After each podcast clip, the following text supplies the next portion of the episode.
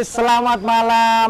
Kembali lagi di acara yang sangat meriah, yaitu acara dari Kava Entertainment, Entertainment. yaitu acara Kava Talk dengan tema Inspiring People Stories. Oke, itu Boleh tepuk tangan, Bapak. Pasti nih Oke, apa tuh? yang ada di sana menunggu-nunggu. Ada siapa aja sih yang ada di stage ini, yang ada di depan layar kamera? Kita boleh perkenalan dulu. Dari saya dulu ya. Oke. Oke, yang pertama adalah saya adalah Aan Haryanto, host yang sangat luar biasa yang dimiliki oleh Kava Talk dan Kava Entertainment. dan selanjutnya ada rekan saya yang menemani saya di sini. Ada siapa dia? Oke, halo guys, nama saya Vivi Helmalia Putri, biasa dipanggil Vivi. Nah, aku di sini adalah rekan setianya dari Mas Aan di Kava Entertainment. Yoi. Ada Kak Aan dan ada Kak, Kak Vivi. Vivi.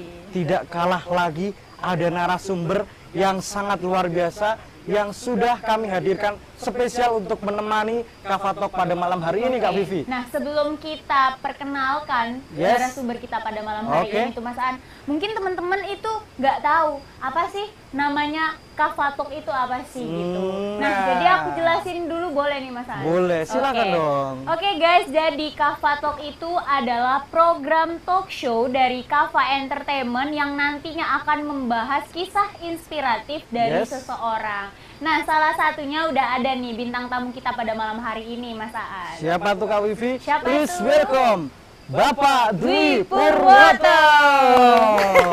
Luar biasa. Selamat malam semuanya. Selamat, Selamat malam, malam, Bapak. Bapak. nah, jadi nih Kak Vivi nih, Apa kenapa kita eh, ambil narasumbernya Mhm. Bapak Dwi Purwoto sesuai dengan tema kita pada malam hari yaitu Inspiring People Stories. Mhm. Beliau ini adalah owner dari Halo. Halo. Thank you. Nah, nyambung nih sama Oke. tema kita pada malam hari ini. Beliau adalah owner dari Dandang Gulo Cafe. Nah, minuman yang disajikan ini di depan kita ini adalah salah satu produk minuman dari Dandang Cafe Gulo. itu, Kak Vivi. Oke, ini ada kopi latte ya, Kak? Yo, silakan silakan diminum Mas Ang. Oke. Santai aja kali ya, Pak. Silakan. Ya, terima kasih. Oke, teman-teman. Sebelum kita ngobrol kita incipin dulu lah ya. Oke. Oke. Kalau Kak Pipi nggak usah pakai gula udah manis. Makasih, Bapak. Mantap. Gimana Mas Aan? Benar Nah. nggak kata Bapak? Bener dong. Sambil sambil kita menikmati kopi, sambil kita ngobrol santai Oke. dengan beliau Bapak Dwi. Pak Dwi, Iya. apa yang menjadikan alasan Pak Dwi sehingga mendirikan sebuah kafe Dandang Gulo Cafe? Boleh cerita dong pada teman-teman yang menonton baik di live streaming YouTube maupun di live Instagram Kava Talk dan Kava Entertainment. Silakan Bapak. Kalau diceritain panjang sih sebenarnya Mas Ang, Mbak Pipi. Eh, kita nggak sengaja sih bikin ini. Itu bermula dari eh, di tahun 2018 ya. Yes. Eh, di mana waktu itu saya lagi bangun rumah. Oke. Saya lagi bangun rumah. Nah, kebetulan uh, rumah yang saya bangun ini lahannya itu uh, berdekatan atau berjajar Oke. dengan uh, lahan milik dari Pak Chandra Mianto dari Solo. Nah, waktu saya lagi bangun rumah nih, uh, Pak Chandra ini datang bersama keluarga yang bermaksud mau uh, melihat tanahnya. Yes. Di waktu itu beliaunya ketemu saya memperkenalkan diri bahwa dia yang punya lahan tersebut. Kemudian beliau, beliau, beliau bilang eh, ke saya, Pak Dwi tanah saya mau saya jual loh, dibeli Pak Dwi aja. Saya bilang gini, oh saya nggak punya duit, ini aja saya lagi bangun rumah, nggak tahu nanti bisa jadi apa enggak. Oke. Gitu. Oke. Terus Iya. eh, lanjut, kalaupun bisa saya beli kok saya paling bisa bayar itu cicil dengan cara membayar dengan dicicil dalam jangka waktu setahun. Nah, ini kira-kira gimana kok? Saya nggak punya duit, saya harus menyelesaikan rumah saya ini dulu. Oke. Sebelumnya berpikir tetap Pak Dwi bayar, Pak Dwi beli, bayar sekali, nanti bagaimana caranya pasti Pak Dwi bisalah. katanya. Nggak punya duit kok, bener. Duit dari mana? Bangun rumah ini aja uangnya masih cari-cari, bilang. Udah dibeli aja, ya udah. Saya bayar setahun, saya bilang. Yes. Akhirnya beliau musyawarah keluarga, ya udah Pak Dwi bayar setahun, tapi harganya 1,2 m dia bilang. Wah, Duit dari mana? Nggak ada duit segitu, saya nggak berani bayar. Kalau berani 900 saya bilang. Iya. 900 saya bayar dalam jangka waktu satu tahun. Nah, akhirnya eh, musyawarah, akhirnya boleh. Ya udah, bayar Pak Dwi 900 dalam jangka waktu setahun. Oke. Waktu itu juga aku bingung, aduh, kok diiyain gitu loh. Duit dari mana gitu. Oh berarti awalnya Pak Dwi nggak niatan untuk serius? Iya, ada. membeli tanah itu? Heeh. Oke. Nah, akhirnya, waduh, udah terlanjur, udah diiyain. Masa aku mau batalin kan? Yes. Kita ngomong istri, dia ini "Duh, terlanjur diiyain, saya udah nawar, gak enak kalau gak dibeli. Nekat ya. Akhirnya u- apa uang yang buat bangun rumah, aku kurangi 50 juta, Oke. aku buat DP-in. Yes. Nah ini, kemudian eh, buat perjanjian harga 100 dibayar dalam jangka waktu setahun, aku DP 50 juta. Oke. itu udah jadi gitu kan nah aku lanjutin bangun rumah dinding itu belum nyampe penuh udah ditagih Iya. Pak Dwi tolong segera dilunasin kemarin itu saya jual dua tanah itu karena butuh duit kemarin memang saya buat perjanjian seperti itu tapi sebenarnya saya pengen segera dilunasi karena saya butuh Oke. saya kan pusing. Nah, saya ngomong istri gimana ini? Kita nggak enak juga. Sepakat cari pinjaman mas, mbak. Akhirnya cari pinjaman BRI, BRI Solo sana. Baru kali ini aku cari pinjaman, tau nggak? Baru kali ini. Kali ini pinjaman BRI. Sebelumnya belum pernah sama sekali. Belum. Ini berarti terhitung Bapak Dwi nekat. Iya. Oke. Gitu. Akhirnya eh, rumah mau jadi itu karena di ACC ya, bilang di ACC ya. Di Alhamdulillah di ACC, ACC, aku pinjam oke. 850 waktu itu. 850 cair aku ambil 200 jadi Ya. 850 yang 200 aku ambil aku kasih Pak Chandra Oke. yang lainnya masih berapa itu Eh, ini ya eh, pokoknya aku ambil 200 aku kasih Pak Chandra sisanya aku selesaiin buat rumah Oke. Luar kan. biasa. itu akhirnya rumah mau jadi. nih. Rumah mau jadi. rumah udah mau jadi. Ah, akhirnya telepon lagi. Pak segera lunasin Pak. Bilang ditagih lagi. kembali. iya ditagih kembali. Terus respon Pak Dwi? Terus ya Pak. iya. Itu dari mana lagi? Ah, akhirnya dari tanah 2000 meter yang aku beli ke Pak Chandra ini aku kurangin. Aku kapling jadi lima kapling. Jadi yang satu kal yang empat kapling ini ukurannya 117 meter Oke. dan yang satu kapling 150 jadi kelima kapling ini aku dapat duit 800 juta Wow. Mantap, luar biasa. ini gambling aja sebenarnya ini feeling aja ya ini adalah apa ya syukur yang tidak terduga pada Allah Subhanahu wa taala ya Iya, betul sekali Eh, Bapak Dwi. Ini adalah capaian apa ya dalam seumur hidup saya dapat terjadi ya. Oke. saya tidak bisa membayangkan saya dulu aja bang rumah itu bisa nggak sih apalagi bisa punya tanah luas ini saya nggak Nggak pernah kepikiran ke sana. seperti itu karena saya rumah itu aja karena yang, beli, yang beliin mertua Yang beliin mertua, yang beliin mertua Kak Bibi. Oke, oke, oke. Yang beliin kaki mertua. saya ini nggak punya apa-apa. Awalnya nggak punya Iya. apa-apa. Heeh. Sekarang jadi punya apa-apa. Iya. Tadi mendengar ceritanya dari Pak Dwi, dari keterdesakan menjadi sebuah peluang. iya Dari tanah kemudian dikaplingkan, kemudian dapat untung 800 juta. Pak Dwi hebat sekali ya. Saya salut tuh sebagai anak muda. Begitu kan Kak Vivi? Bener banget. Berarti kita itu anak muda harus belajar sama-sama orang yang menginspirasi gini ya kak. Iya, Maksudnya betul. ya kita harus usaha dulu, Betul. gitu ya. Oke. Kita nggak tahu apa sih yang kita hasilkan nanti. Pokoknya berusaha aja dulu. Iya. Nah, tadi sampai di akhirnya di Kapleng 800 juta, rumah setengah jadi, kafe itu sudah jadi Pak Dwi. Kafe belum jadi. Belum jadi juga. Terus kelanjutan ceritanya? Ya, sebenarnya eh, dari duit yang dari BRI ini kan aku putar juga untuk modal ini, modal maklaran mobil. Oke. Nah, jadi duit sisa pelan-pelan aku beliin rumah joglo ini. Eh, akhirnya jadilah kafe. Luar biasa. Oke, oke. oke. Jadilah kafe yang Pak Dwi na- yang Pak Dwi beri nama Dandang Golo Cafe. Iya. Kalau boleh tahu nih, kalau perjalanan proses perjuangan bagaimana kafe itu sampai berdiri kan kita udah tahu nih. Bagaimana kemudian Pak Dwi memilih nama Dandang Gulo? Cafe. Apa yang memotivasi Bapak? Apa yang menginspirasi? Hanya bisa seperti itu. apa ya Eh, sebenarnya itu ini aja sih saya senang sih dengan apa ya eh, filosofi filosofi Jawa lagu-lagu dari Mocopat Oke. itu ketemu aja nama Dandang Gulo itu Dandang Gulo Eh, ini yang sendiri ya Iya, boleh, boleh.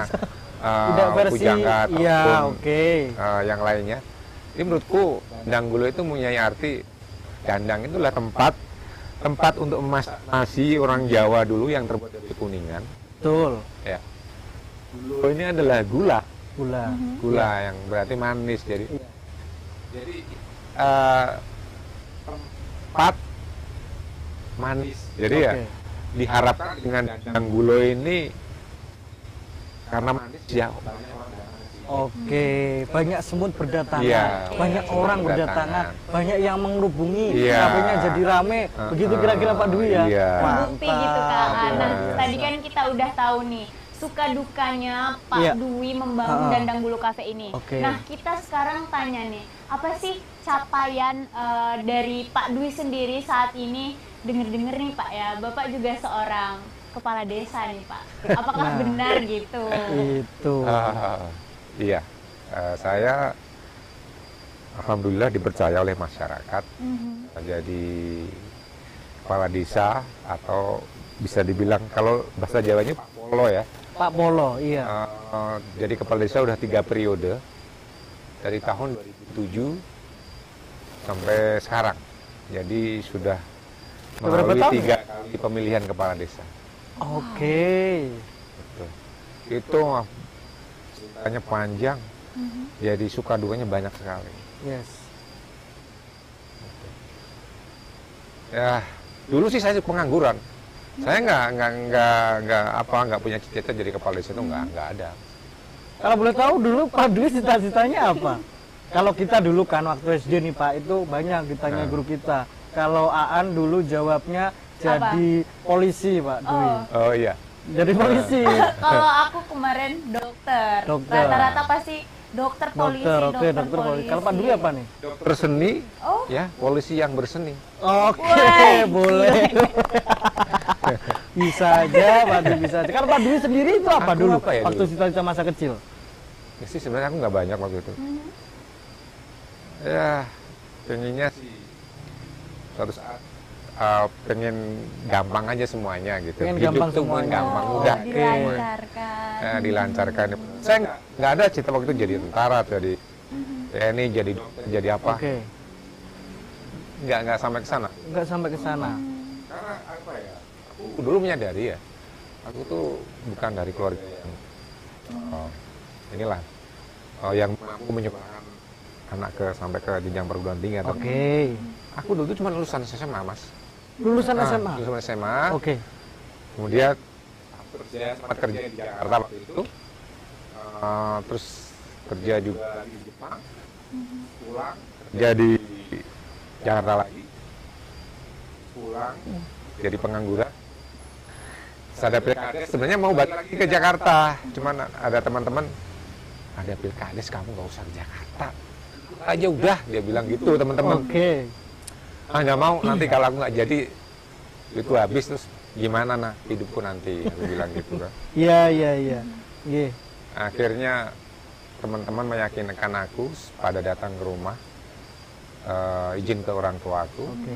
ya akhirnya yes dan waktu itu pas tahun 2007 itu pilkades dilaksanakan aku yang menang alhamdulillah selisih suara 14 suara 14 biji aja Tipis Itu periode sekali periode pertama periode pertama. Iya. Oke. Iya, periode pertama.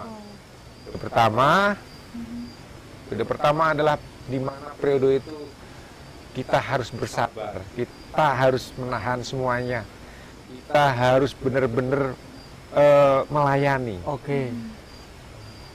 Lalu di periode pertama ini kita bisa lulus ujian, maksudnya kita sebagai pelayan masyarakat nih, Iya. ya laksanakanlah dengan baik, Oke. amanah. Nah, di periode selanjutnya, periode kedua ini, aku nggak ada lawan, mas. Jadi, dari situ aku sendiri. Sendiri. Iya. Lawan kota kosong gitu. Lawannya kota Aduh. kosong. Oke, oke. Dan waktu itu kota kosong dapat 28.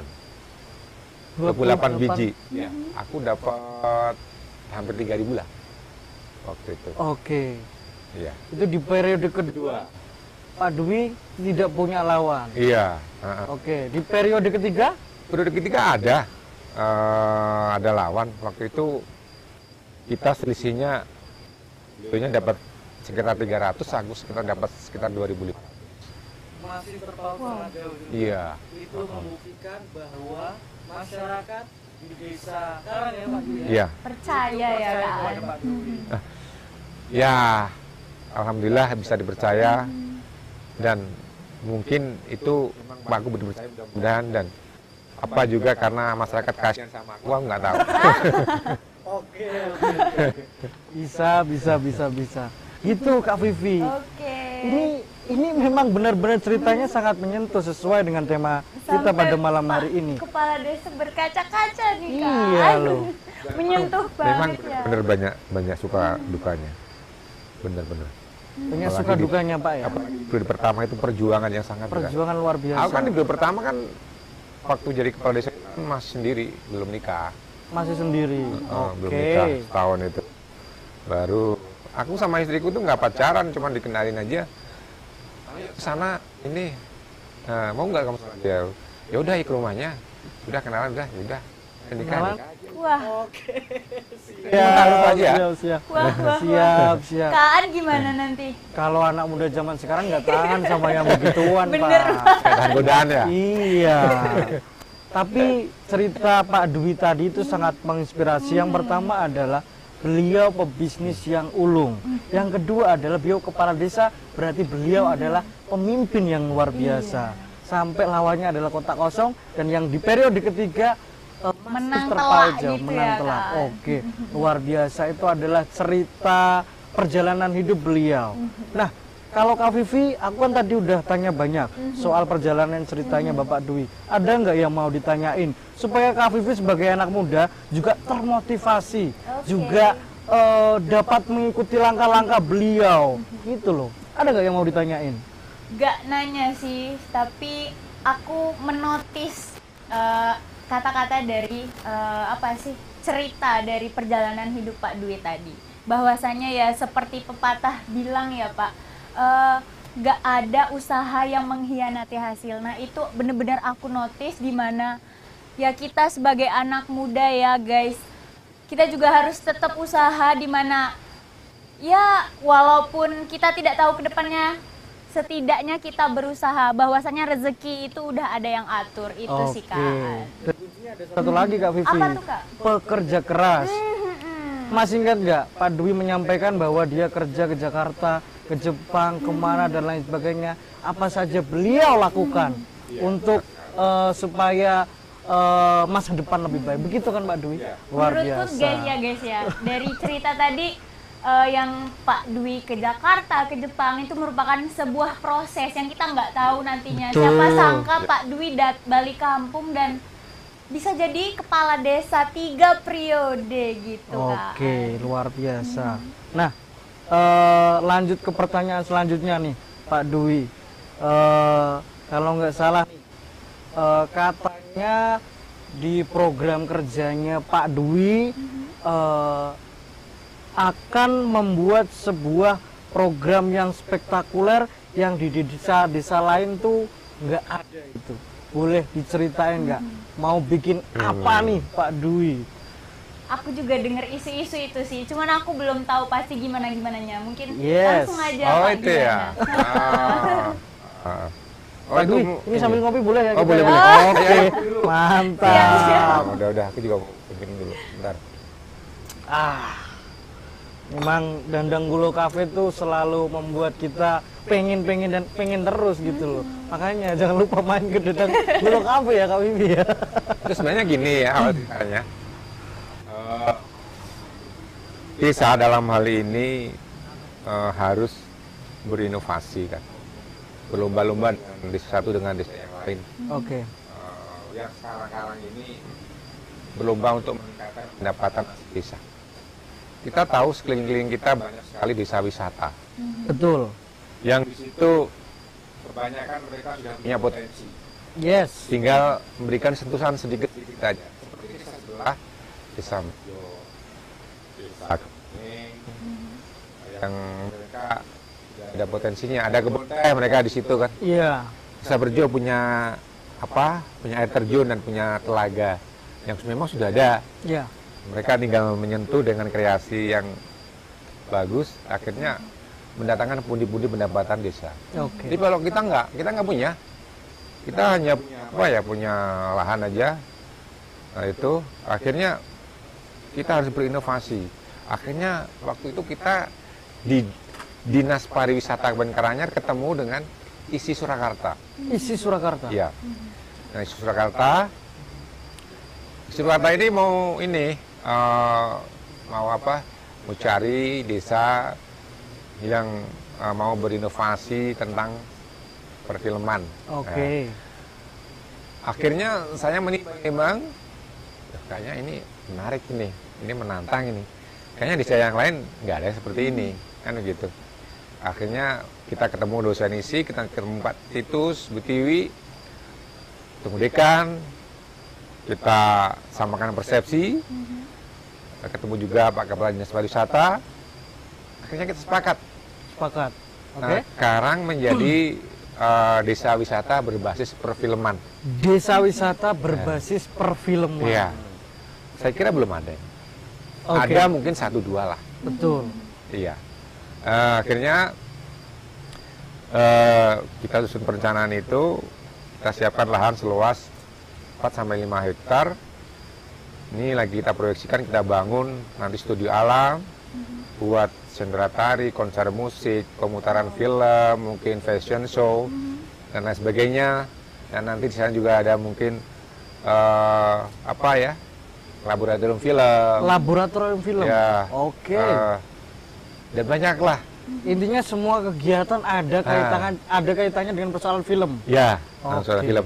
Jadi kita harapkan nanti eh sutradara-sutradara yang di Jakarta sana, mungkin produser-produser film yang mau Oke. bikin film, eh, tertarik dengan tempat kita, Oke. kita siapkan mungkin eh, SDM-nya, masyarakatnya, kesiapannya, kita siapkan tempat-tempat buat homestay-nya, ya, buat peralatannya atau apalah mereka datang, tinggal datang, semua kita sudah ada. Tapi itu kan nggak mudah.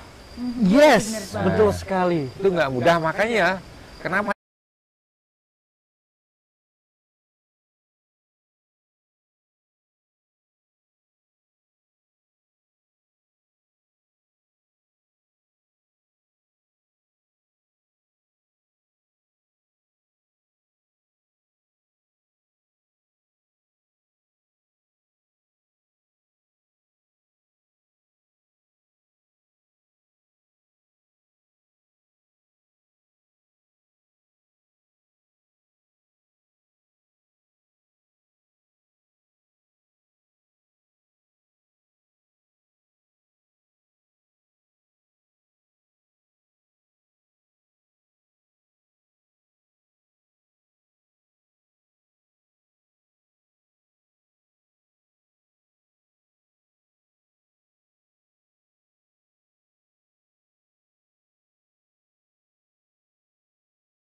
Oke, mohon maaf seluruh pemirsa yang ada di sana. Ada fashion, ada eh, apa?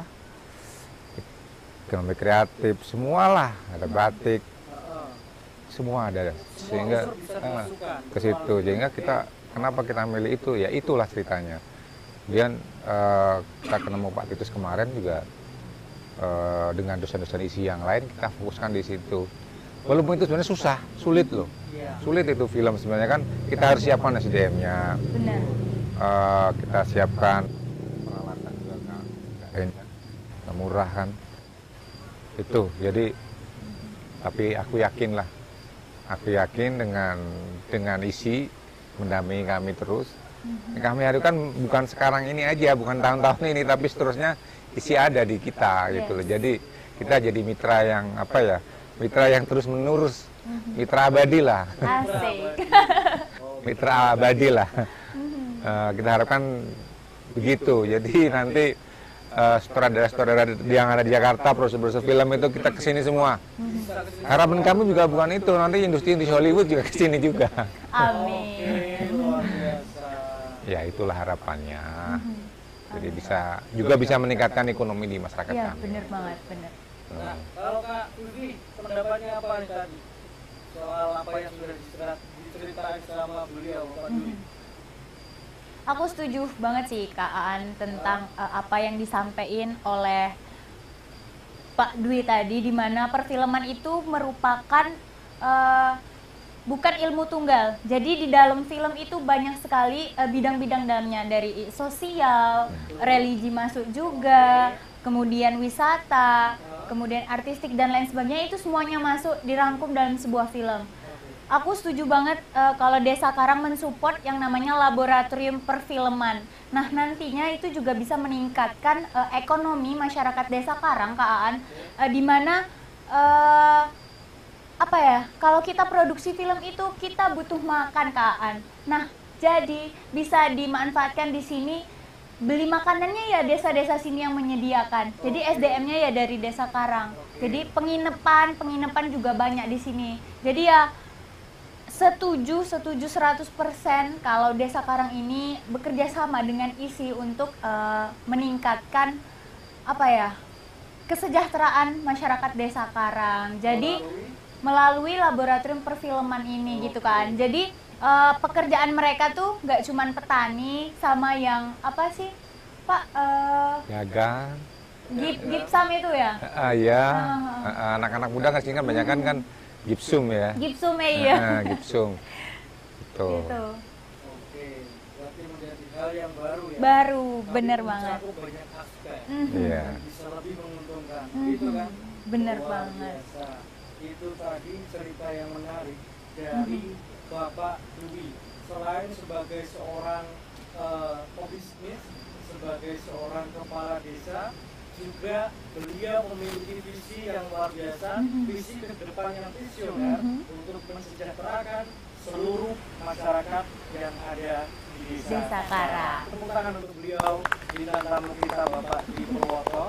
Eh, terima kasih untuk bincang santai pada malam hari ini dengan tema Inspiring People Stories. Eh, semoga apa yang Bapak Dwi cita-citakan, semoga apa yang Bapak Dwi harapkan, apa yang Bapak Dwi bayangkan bisa tercapai, bisa terlaksana dengan lancar dan eh, bisa memotivasi seluruh eh, masyarakat khususnya adalah anak-anak muda.